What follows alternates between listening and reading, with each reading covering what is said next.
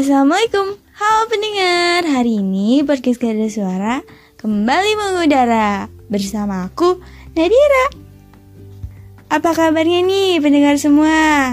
Sehat-sehat aja kan? Oh iya, kalian udah pada bagi rapat belum sih? Atau ada yang mau lulus? Kalau aku sih masih SMP. Satu tahun lagi lulus. Amin. Semoga aja ya. Yang mau naik kelas, semoga naik kelas. Yang mau lulus, semoga lulus. Kalau udah beranjak dewasa tuh, kalian suka mikirin cita-cita gak sih? Tapi sebelum lulus SD aja kadang suka bercita-cita ya. aku kayak, aku mau jadi tentara, aku mau jadi pilot, aku mau jadi guru.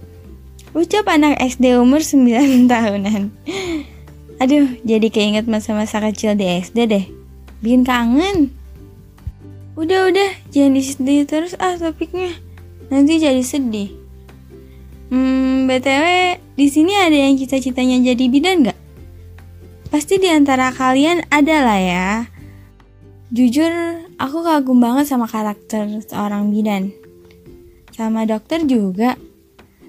Karena tugas mereka tuh bukan cuma ngejalanin tugas biasa, tapi tugas mereka ngasih jasa buat kita. Kalian mau tahu gak? Sekarang itu hari penting buat semua bidan yang ada di seluruh Indonesia. Dari Sabang sampai Merauke. Ada yang tahu kenapa? Karena tepat hari ini, tanggal 24 Juni, ditetapkan sebagai Hari Bidan Nasional.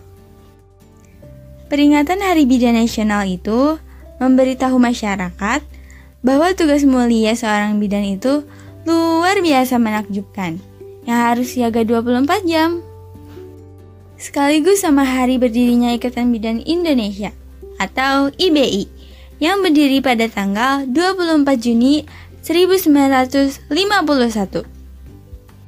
Bidan melindungi hak kesehatan reproduksi dari pemberdayaan perempuan dan optimalisasi pelayanan kebidanan saat membantu ibu hamil, proses persalinan, dan membantu menurunkan angka kematian ibu atau AKI.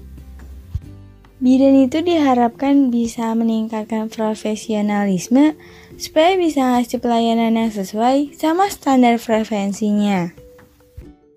Terima kasih telah mengabdi untuk kesehatan ibu Indonesia dan membantu proses kelahiran. Selamat Hari Bidan Nasional para bidan.